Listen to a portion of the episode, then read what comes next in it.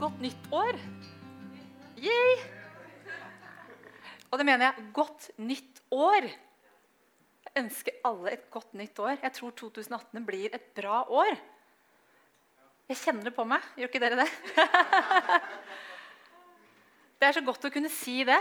Ehm, det er alltid liksom sånne nye muligheter i et nytt år. Eh, godt å ha med seg det som har vært, og så er det liksom godt å legge fra seg noe som har vært òg. Og det er liksom å begynne et nytt år.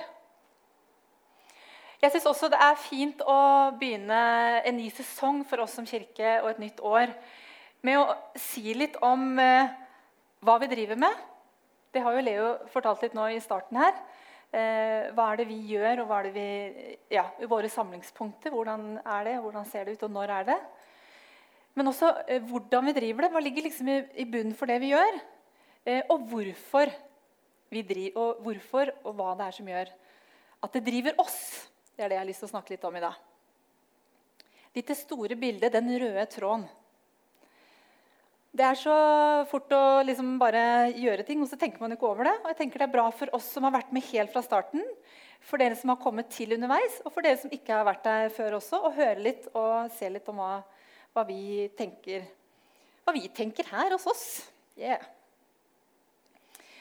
Høsten vi startet, eller vi begynte den prosessen, det er eh, 2015 blir det nå. Ja, det er så godt å høre, liksom, føle at man kan si at det er liksom en stund siden.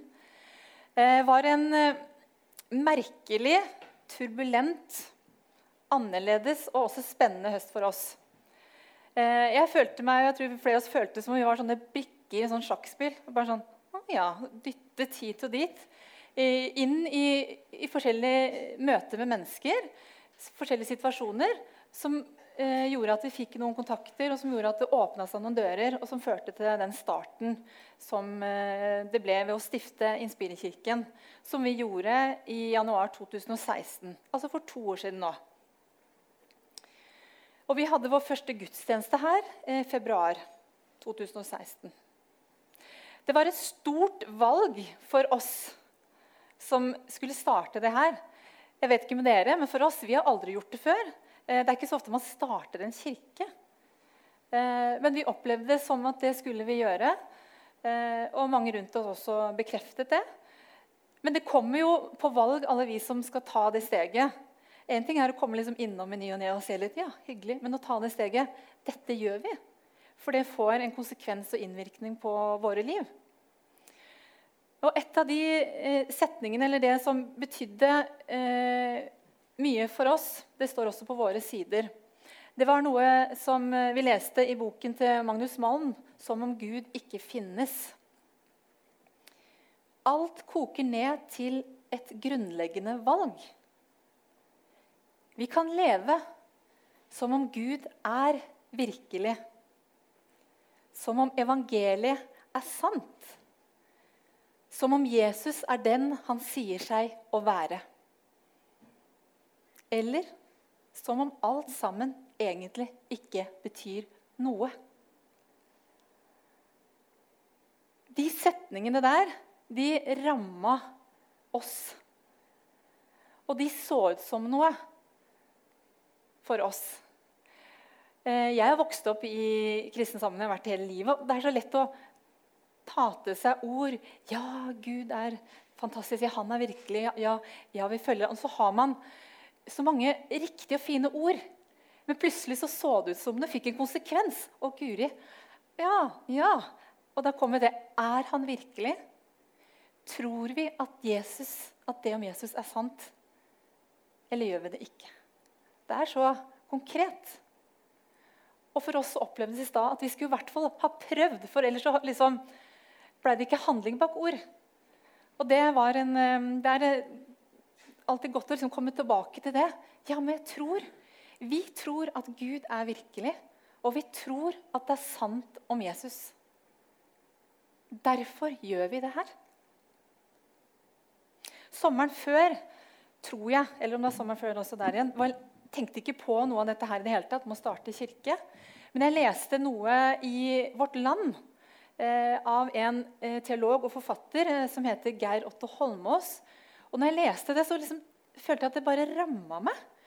Eh, og jeg måtte lese flere ganger, og jeg liksom gråt. Og jeg tror det traff en sånn lengsel eller en nød som jeg ikke visste jeg hadde, kanskje. jeg vet ikke. Men det også er eh, noe som har fulgt meg gjennom den prosessen her. Jeg har lyst til å lese litt for dere igjen. Jeg leste for noen av dere før også. Og han sier Han skriver Vi kan ikke lenger følge opptråkkede spor. Det er en nød i vår tid som går så dypt at vi ikke lenger kan lene oss tilbake i tilfredshet med de gamle løsningene. Hvis vi har mot nok til å erkjenne at de ikke fungerer lenger.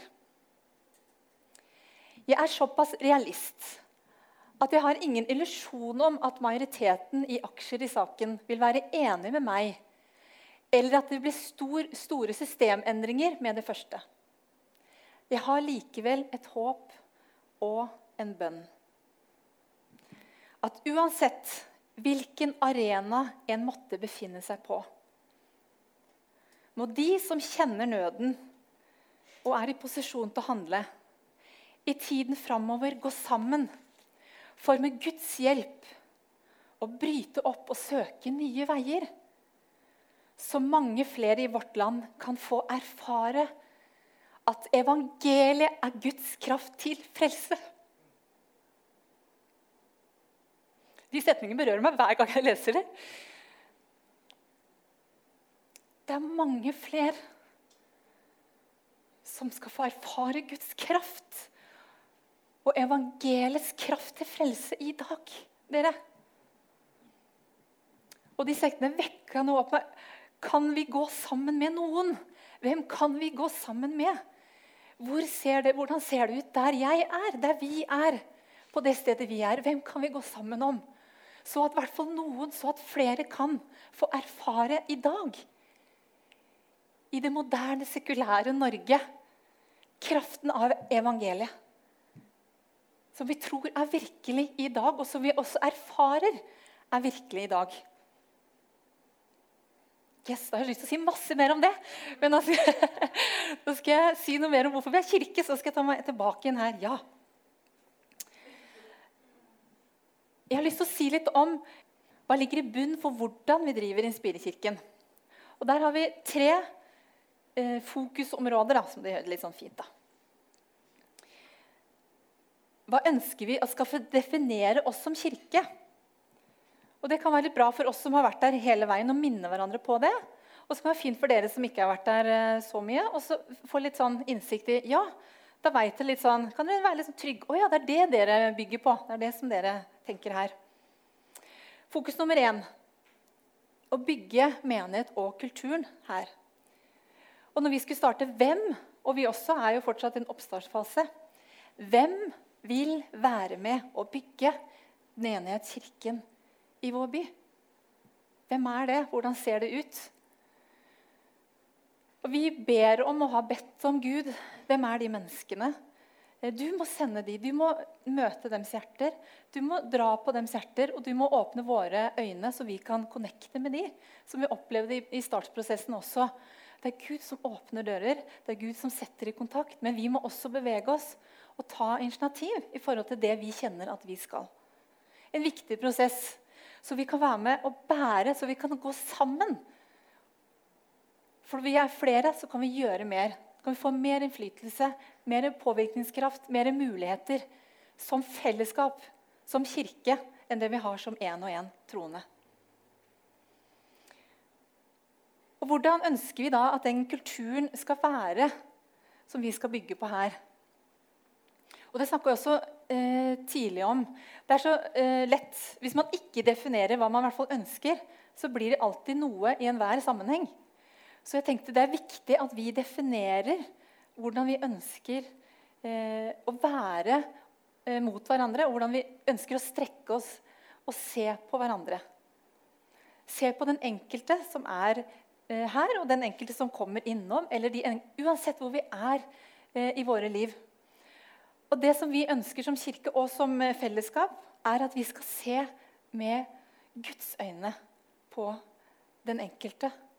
Vi skal se med Gud må gi oss kjærlighet. Jeg må be om det sjøl òg. Jeg kan ikke si at jeg alltid gjør det, så jeg sier vi skal strekke oss mot det. Men det er viktig å definere det. vet du hva? Vi ønsker at hver enkelt menneske føler seg velkommen, føler seg elska, føler seg respektert, føler seg sett for den de er. Eller det, den, de, den Gud har skapt dem til å være. Eh, og at vi skal og Det står tenkte vi ba for møtet, sa Ove sa, kappes om å hedre hverandre. Det er sånn, men at vi skal, vi skal ja, konkurrere litt. Så bra. Prøve å finne gode ting i hverandre. Så vi kan komme og løfte hverandre opp istedenfor å stå med armene i kors og tenke Akkurat, ja. Det var det jeg visste, eller var det jeg tenkte, eller Å, kommer den, ja? Ok. Ikke sant? Alle de som vi selvfølgelig ingen av oss tenker, men eh, bare som nevner som eksempel. Men det er viktig, og det er så utrolig, Vi mennesker er jo sånn at vi så fort kategoriserer hverandre og setter hverandre i bås. Men det gjør ikke Gud. Så vi trenger som fellesskap å strekke oss mot og hjelpe hverandre til å bygge et grunnlag for det som Gud ønsker. Det som Gud ser i den enkelte. Det er den kulturen vi vil ha her. Det er det vi ønsker vi skal bygge på. Og vi skal øve oss på, og vi skal trene oss på å finne bra ting i hverandre. Så bra! Yes! Så yes, Ikke sant? Og de ja, nå tok jeg, Det var litt kjapp her. Det står på samme. Og det som vi da har av sånne kjerneverdier, som står her, som skal hjelpe oss til eh, å bygge kirken vår det er åpenhet, ansvarlighet og balanse. Åpenhet er litt det jeg snakker om. Åpenhet for mennesker. I og utenfor, der vi er. Det, vi skal ikke bare være åpen for den enkelte mennesket vi møter, og som kommer til oss, og som kommer i vår, i vår kirke og forsamling. Men åpenhet også eh, i forhold til hva vi som kirke driver med. Det er viktig for oss å være eh, åpne på det, eh, både på nettet, eh, på sosiale medier, når vi får invitasjoner i lokalsamfunnet eller andre steder. Det her er oss. Ingenting hemmelig her. Alt er åpent. Det er ikke en lokka sted. Det er åpent. Det er offentlig. Det er eh, transparent. Det er en viktig verdi for oss. Og vi ønsker også å være åpne for det som Gud gjør. Det er tilbake igjen noe av det som jeg sa med, med kulturen vår. Å, Gud, hva ser du? her i det mennesket? Eller Gud, hva gjør du her i det området? Eh, I den situasjonen her? Det ønsker vi å ha åpenhet for. Men med åpenhet og frihet for det Gud gjør, så følger også ansvar. Vi ønsker å ta ansvar for det som Gud viser oss, og vi ønsker å handle på det også. Og Det var jo noe av det vi gjorde som jeg fortalte i starten når vi startet dette her. Og vi ønsker som kirke at vi kan være med å bygge karakter i, i hverandre og den enkelte. Så at det har en integritet, både som den enkelte, men også som fellesskap. Du kan stole på det som er her. Det, kan, det, vi, det, vi, gjør, det står vi for. Det vi sier, det lever vi ut som fellesskap og som individer. Det er viktig at de går ikke sant? En, at det går hånd i hanske her. Og Derfor det siste, at det er en balanse i det. Frihet Åpenhet, ja. Men også ansvarlighet. Ansvar. Balansen. Balanse i å utfordre og støtte. Balanse i å arbeide og hvile. Leve og lære. Liv og lære må henge sammen.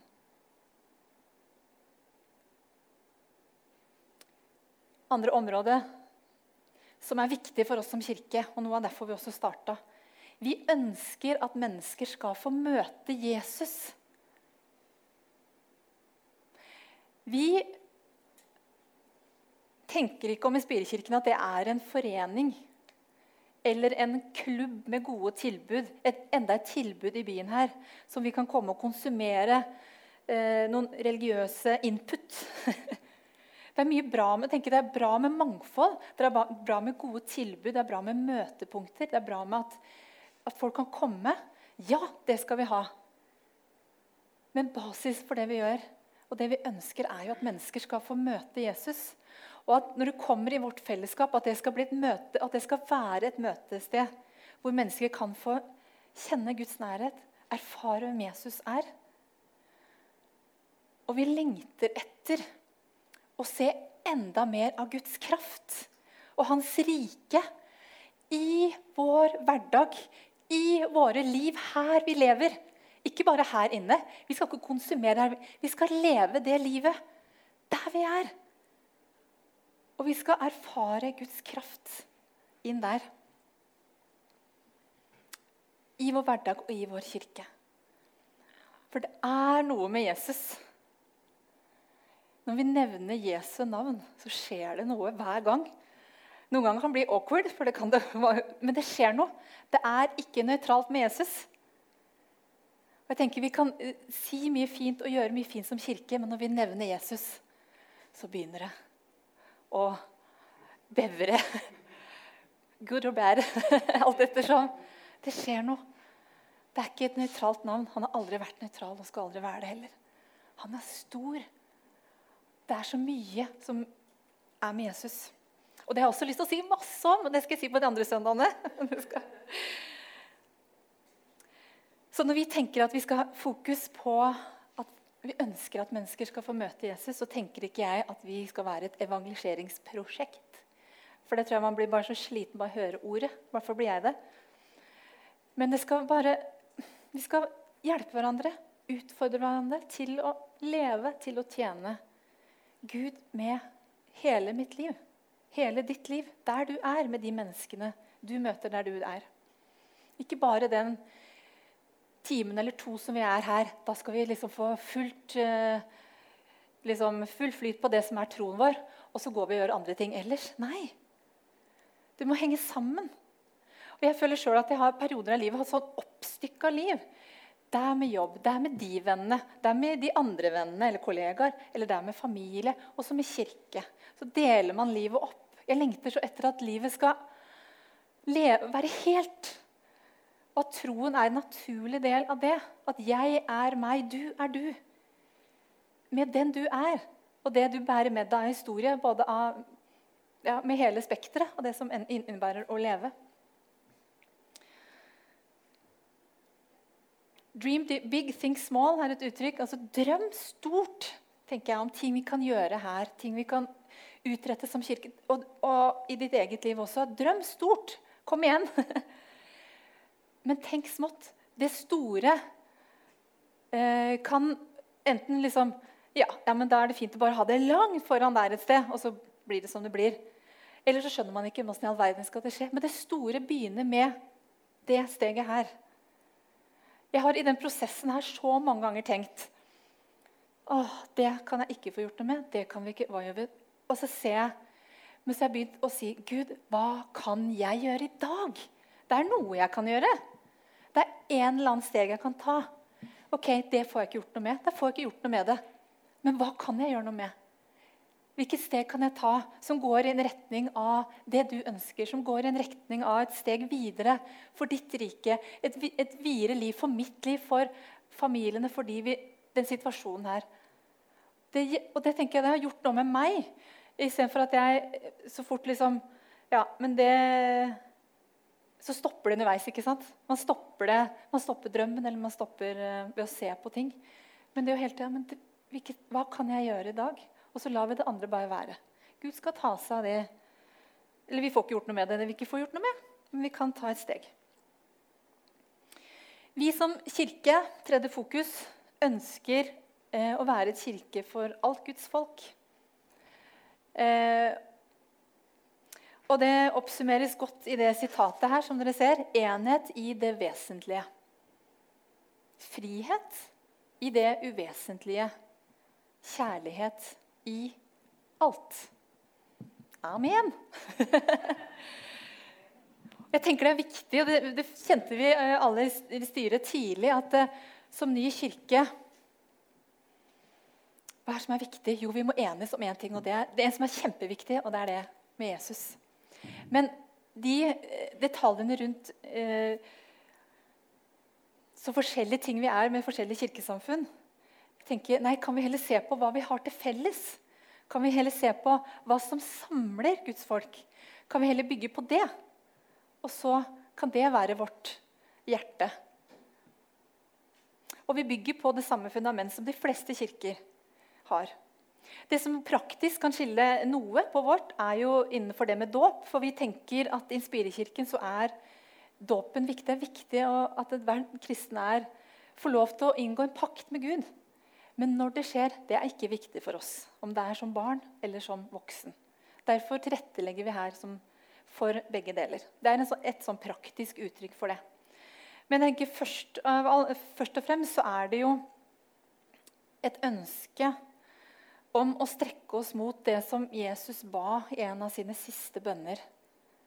At verden skal få se hvordan de elsker hverandre. Og da skal de skjønne at oi, her er det noe. Og da vil jeg si at der har vi noe å strekke oss mot, dere. For jeg tenker ofte at når vi ser utafra, og jeg tenker det selv også, og inn i de forskjellige kirkelandskampene, så ser folk i all verdens land og rike. Hva er det, de, hva er det vi krangler? Hvilke kommaer er det vi Ikke sant? Men hvis vi kan enes om én ting hva er det vesentligste, hva er det viktigste som vi kristne kan samles om, da? Det er Jesus. Det er den røde tråden, og det er det vi ønsker skal være den røde tråden i alt det vi gjør her i Inspirikirken. Og Derfor er også visjonen vår Jesus i sentrum, i hjertet og byen. Hvis vi som kirke og vi som folk kan få løfta blikket på han, bli mer kjent med han, se, erfare hvem han er, da tror jeg vi er på rett spor. Da vet jeg vi er på rett spor. Og så kan vi lene oss på den store eh, den kirkesamfunnet man tilhører, og den verden som vi kirken, at de til sammen skal finne ut av de tinga her. Som er det store bildet av ja, Sunn menighet er når vi lever med Jesus og forkynner om han. Og ser på hvordan han levde sitt liv. Hvordan han forholdt seg til mennesker og situasjoner. Og hvordan hans relasjon var med både Gud og sine venner. Det tror jeg er en god pekepinne på et godt og sunt liv, også som kirke. Og Derfor har vi i vår det skal jeg bare ta sånn kjapt gjennom. Eh, jeg tar alle på en gang her. Inn, ut, opp. Derfor, i det som vi, Når vi er samlingspunkter, når vi har gudstjenester, derfor har vi en balanse i de tre tingene her. Opp, inn, ut. Jesus i sentrum, som viser til opprelasjonen, den relasjonen han hadde med Gud. Jesus gikk til side mange ganger og var aleine i bønn. Eh, og, og snakka med Gud og var sammen med sin far. En viktig del av det kristne liv. Og han gikk også Han tenker han er Guds sønn. Han, kunne, han er, jo suveren. Men han valgte han valgte å leve et liv sammen med mennesker tett og nært på de, den tida han var her. Og det sier jo noe om at vi som troende også trenger det, når selv han trengte det. Og ut Han levde også sitt liv. Var der han var, snakka med de menneskene som kom bortom når han satt ved brønnen eller satt ved, ute i båten. eller de, ikke sant? Det var ikke noe sånn 'la oss nå skjerme dette her'. Og det var, Han levde og var seg sjøl der han var. Og Derfor bygger vi også våre gudstjenester og det vi snakker om. Og når jeg inviterer mennesker også, så prøver jeg hele tida å ha den balansen. Har vi snakket om Jesus? Gi verktøy i forhold til relasjoner. Hjelp til, Der har vi hatt noen av de deltakermøtene og de seminarbiten. Sånn, hvordan kan vi hjelpe hverandre til å bli en bedre familie, til å ha bedre relasjoner? Og det samme, hvordan kan vi også leve et helere liv der vi er? Og snakke om den troen på en naturlig måte. Det her må vi jo øve oss på alle sammen. For det, ja, det er ikke så jeg er så proffe.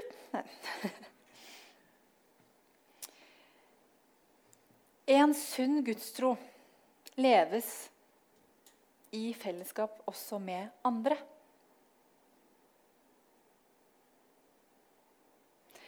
Eh, jeg vet og kjenner mange utrolig troende, helhjerta mennesker. Og jeg kjenner mange som også ikke er en del av kirke i dag. Men jeg tror at det er så utrolig viktig å koble seg på flere enn seg sjøl. Så at noe av det jeg starta med, at vi kan stå sammen for noe større. For det er først da vi kan være med og bære på en annen måte. Få innflytelse på en annen måte. Få støtte på en annen måte. Få innsikt på en annen måte enn når du står aleine. Og jeg tenker at Tro også er å være en del av den verdensvide kirken. Ikke bare Inspirekirken her lokalt, ikke bare Frikirken, som vi har eh, en del av nå. Eh, ikke bare eh, kirkene i Norge, men jeg tenker våre søsken i andre land. Den verdensvide kirken. For jeg tenker Å se i et større perspektiv på det, så vil vi også se mye mer av hvem Gud er. Alene så er vi utsatte, rett og slett. Jeg tror tro er fellesskap med Gud og med hverandre. Og i vår individualistiske verden så er det så mye meg og mitt, og kanskje ikke så mye Guds og vårt. Men det er en som har sagt oss As you discover who he is, you will discover who you are.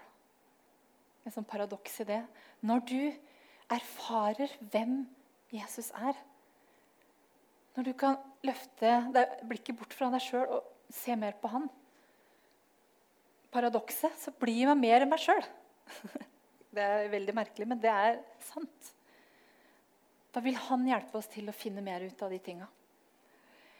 Wilfred Stinesen, eh, en forfatter, kjent forfatter og Munch, også liksom sjelesorg som går dype i åndelige sannheter, han sier det. Du kan ikke leve for Gud uten samtidig å leve for Kirken og hele menneskeheten.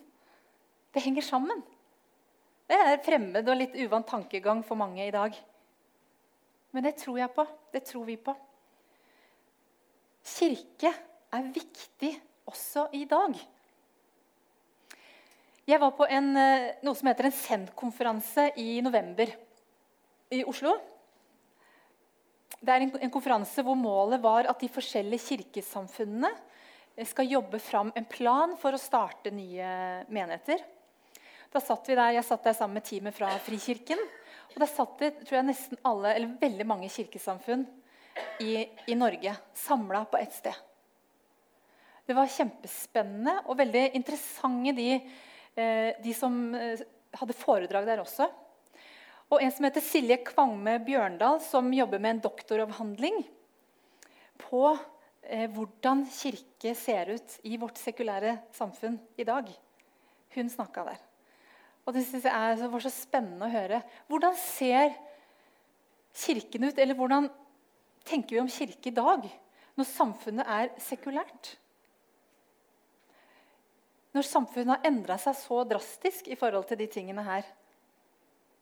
Før gjorde folk alle ting sammen, om det var bygd eller by. Vi går til kirken, ferdig snakka. Det er sånn vi gjør det her. her. Her går vi sammen. Her er vi blitt enige om at det er en bra ting. Vi går til kirke på søndag. Fellesskapet vi styrker. Det er ikke så farlig, det er ikke så viktig med den om jeg tror det eller det. eller Det er ikke viktig. Vi bare går til kirken. Det var en naturlig del av, av hverdagen eh, og av en del av samfunnet. I dag har vi individualismen. Jeg, du, skal finne ut av ting sjøl. På egen hånd. Jeg skal finne ut av min tro, mine sannheter, min måte å leve livet på. Jeg skal ikke følge massene. Det er ingen av oss som følger massene, dere. Der har jeg også nesten en egen tale, tror jeg. For jeg tenker Det er mange ting vi følger, men vi tenker at vi er så fri. Og så følger vi jo bare blindt i både tanker og tenker på materialisme. og tenker Det er så mye politiske ting. altså Men det er mye bra med det å finne sin egen ståsted, finne sin egen stemme. Ja. Eh, finne sitt, liksom, hvor jeg skal sette mine bein på. Dette er meg, dette er mitt liv. Ja. Men det er en sånn verdi i det fellesskapet som jeg tror vi mister på veien når vi skal finne ut av alt sjøl. Men inn i det her så har jo I og med at samfunnet er sånn, så har det også kommet inn i kirkene. ikke sant? Vi setter mennesket i sentrum også her. Det er fort å gjøre det. Setter oss sjøl i sentrum. Det går sånn sakte, men sikkert, så plutselig så handler det om meg. Hva vil jeg? Hva får jeg ut av det her?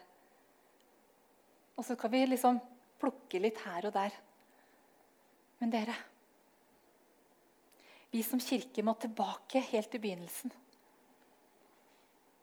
Hva er det vi som kristne egentlig tror på? Hva er det vi har som er relevant? Som kan treffe noe inn i det individualistiske samfunnet her. Hva er det vi har? Hva tenker dere her nå? Hva er det vi har, Gud? Hva er det vi har som kirke? Jo, vi har at vi alle tror på Bibelens fortelling, den store fortellingen som Gud forteller oss. Skaperen av himmelen og jorden. At han sendte Jesus som en løsning, som en mulighet for at hver enkelt kan koble seg på Gud. Så det ikke blei lenger som det var i Gamle testamentet, at det bare var den enkelte profeter og utvalgte mennesker. Nei, i dag, når Jesus kom, så var det brutt. Hver enkelt kan koble seg på han, bli kjent med han, med Gud. Det er jo egentlig helt enormt hva vi som kirke bærer på sammen. Og da funker det ikke bare med eh, trosforsvar eller med trosbekjennelser. Altså, det, vi skal ha det også, men det vi må ha, er din historie. Min historie med Gud. Og Hvordan formidler vi det, og hvordan ser det ut? Det er den historien som bygger broen inn til vårt samfunn. Der ligger utfordringen. Hvordan kan vi i dag vise vei for nordmenn, eller for vi som bor her i Norge? Vi som kommer fra forskjellige steder, også fra forskjellige land, fra å bære med oss forskjellige historier. Hvordan kan vi være med som kirke og bringe inn hans historie, vår historie, der? Og vise en vei i etterfølgelse i dag i helliggjørelse. Nesten fremmedord i dag, men utrolig viktig. Et annerledes liv. Kirken er det stedet vi får en fellesskapsdimensjon i troen. For vi mennesker vi kan tvile på vår egen tro. Det er perioder hvis man kjemper med det. Det er jo helt naturlig. Vi er mennesker, vi er i situasjoner, vi opplever ting. Men i det store fellesskapet så kan vi la troen vår hvile. Hvile på Kirkens tro. Når jeg tviler, så kan jeg hvile i at det finnes en verdensved kirke som har trodd i over 2000 år. Og i det fellesskapet der, i den lokale kirken der, i den store kirken der, kan vi finne kraft, mot, håp kjærlighet til å leve troen ut i vårt samfunn i dag. Jeg tenker Kirken er enda viktigere enn før. Joel Haldorf, sønn av Peter Haldorf, forfatter og retreatleder. Han er jo også teolog, Joel. Så godt på egne bein. Han skriver masse i forskjellige aviser. Også har sagt Kirkens oppdrag Kirken skal hjelpe meg å finne ut av meg selv. Vende meg til Gud og min neste, slik at jeg blir den jeg er kalt til å være. Som kirke så skal vi hjelpe deg, hjelpe den enkelte å finne ut av Hei, hvorfor er du her? Hvorfor er jeg her? Hva er meninga mitt liv? Hvordan ser ditt liv ut? Hvordan er det tenkt fra din skapers side? Det vil vi samarbeide om. Det vil vi hjelpe hverandre med. Men vi skal også venne oss til Gud, dere. Se på Han. Se på hvordan han og hvem han er. Og også til min neste. Troen ser ut som noe. Derfor har vi kirke, og derfor har vi Inspirekirken. Det ble nevnt i starten her at vi samles på onsdager i bønn. Nå skal jeg gå mot slutten, her, så jeg har bare lyst til å eh, si no, et bilde og noe, et ord innenfor det året som vi står nå. Vi samles i bønn her klokken åtte om morgenen. For de som, eh, Da kjenner man ikke så ofte draget, så jeg skal ikke si det. Men skal, den som har lyst til å komme, eller kjenner at ja, men det har jeg lyst til å være med på, gjør det.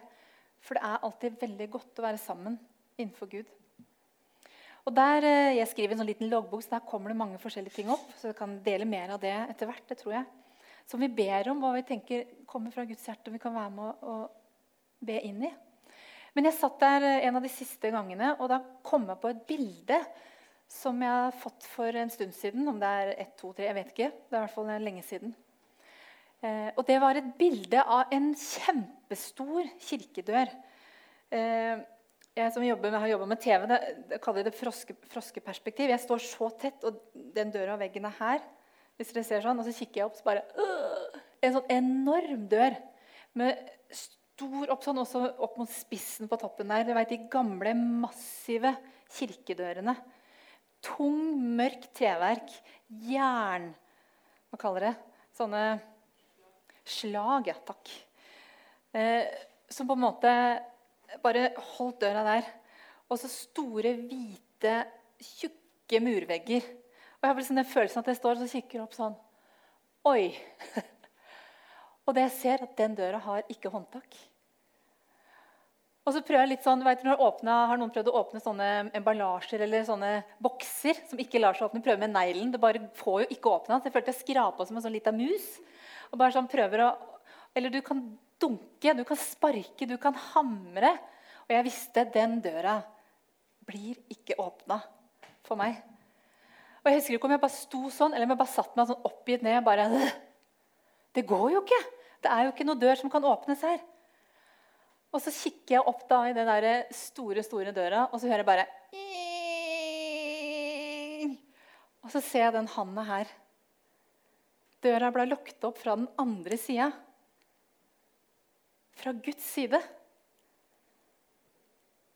For der var det en åpning. Han, Og der følte jeg bare puff, Det fins dører som bare Gud kan åpne.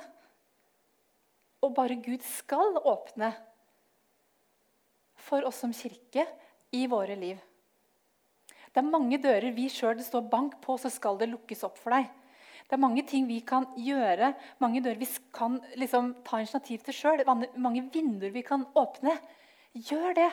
Stå på. Kom igjen. Men det er noen dører som bare Gud kan åpne. Som han må åpne fra den andre siden og sier, 'Nå kan du komme inn her.' Den døra kan du komme inn. Og Når jeg har bedt for 2018, så er det, som, det er flere ting. Men det én ting jeg hadde bare lyst til å, å si da, og det er det ordet utvidet landområde. Og det er det jeg tenker på i den døra. At Gud skal i det året her utvide vårt landområde. Og Hvor står det i Bibelen? Det er jo mange steder i Bibelen det står om det. Innta land eller utvide land. Men jeg kom på en bare lyst til å lese helt til slutt, en, bitte liten, rar bønn som står i krønikebokene fire. Og det kommer i, i sånn, etter rekken av Det er masse bare sånn navneramsing. Oppramsing. Navn, navn, navn, navn, navn. navn. Så er det plutselig som om den historiefortelleren bare våkner litt. Å ja, dere, jeg må bare si et par setninger her om den mennesket der. Og så fortsetter den. Og det er den lille par setningene. Det har også blitt en bok, så jeg skal ikke si mye om det her, men det heter 'Jabes bønn'. Første krønikerne 4.10 til slutt her. Og Jabes påkalte Israel Gud og sa:" Å, om du ville velsigne meg og utvide mine landområder. Og la din hånd være med meg. Om du ville lage det så at det ingen ulykke kom, og jeg ble fri for smerte. Og Gud lot det komme som han hadde bedt om. Innenfor 2018 så har jeg en lengsel. Jeg vil leve i et videre område. Og jeg tenker at til slutt her at vi skal vi sammen be til Gud om flere muligheter, og mer innflytelser, om flere åpne dører i det året her. Og det livet som kanskje du kjenner kan bli for trangt. At han og vi sammen kan få sprenge grenser i våre liv. Det er mer land å innta. Utvid grensene våre, Gud. I vår kirke, i vår familie, i vår by, i vårt land. At vi kan be om at det som har vært trangt, skal få et åpent rom. At det som har vært umulig i fjor eller andre år, skal bli mulig i det året vi går inn i. Og det som har vært begrensende, skal bli befriende. Det har jeg lyst om at vi sammen skal be om. Og jeg tenker også til slutt at uh, Hvis du ønsker forbønn for ditt liv personlig Det er mye jeg kan si om den uh, det er nesten egen preken også om den bønnen til Jabes her. Uh, men Jabes betyr smerte. Et smertens barn. Og det kan til og med bety den som forårsaket smerte. Ikke et enkelt navn å bære fra fødsel av. Det er så lett med navn, eller Man ønsker at navnet skal være den fagre, den modige, den sterke, den flotte. ikke sant? Men tenk å bære den som forårsaker smerte. Det er heftig. Men jeg tenker at innenfor det nye året at uh, Gud setter ingen lapper på oss mennesker. Det er det vi som gjør, enten på oss sjøl eller andre. Men at vi, når vi går inn for Gud, vi kan be, vi kan legge det hos Jesus og si det skal ikke få definere mitt liv mer. Det skal ikke bety Eller mennesker Ting som er sagt, skal ikke få definere mitt liv framover. Det skal Gud få gjøre, for han skal utvide mine grenser. Han skal føre meg inn på andre områder og nye områder. Og vi sammen som kirke skal få være en del av det.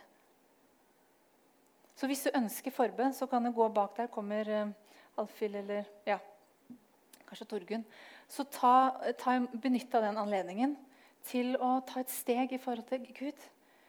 Jeg kjenner at det, jeg vil ikke la det som har vært fram til nå, definere meg, men jeg vil ta imot det du har for mitt liv. Så gjør vi det nå. Så kan du begynne å spille litt, og så bare ber vi litt til slutt der. Og hvis du kjenner at du har lyst til å be høyt, så gjør det. For da vil jeg be som, eh, oss som kirke sammen at vi skal ta del i det.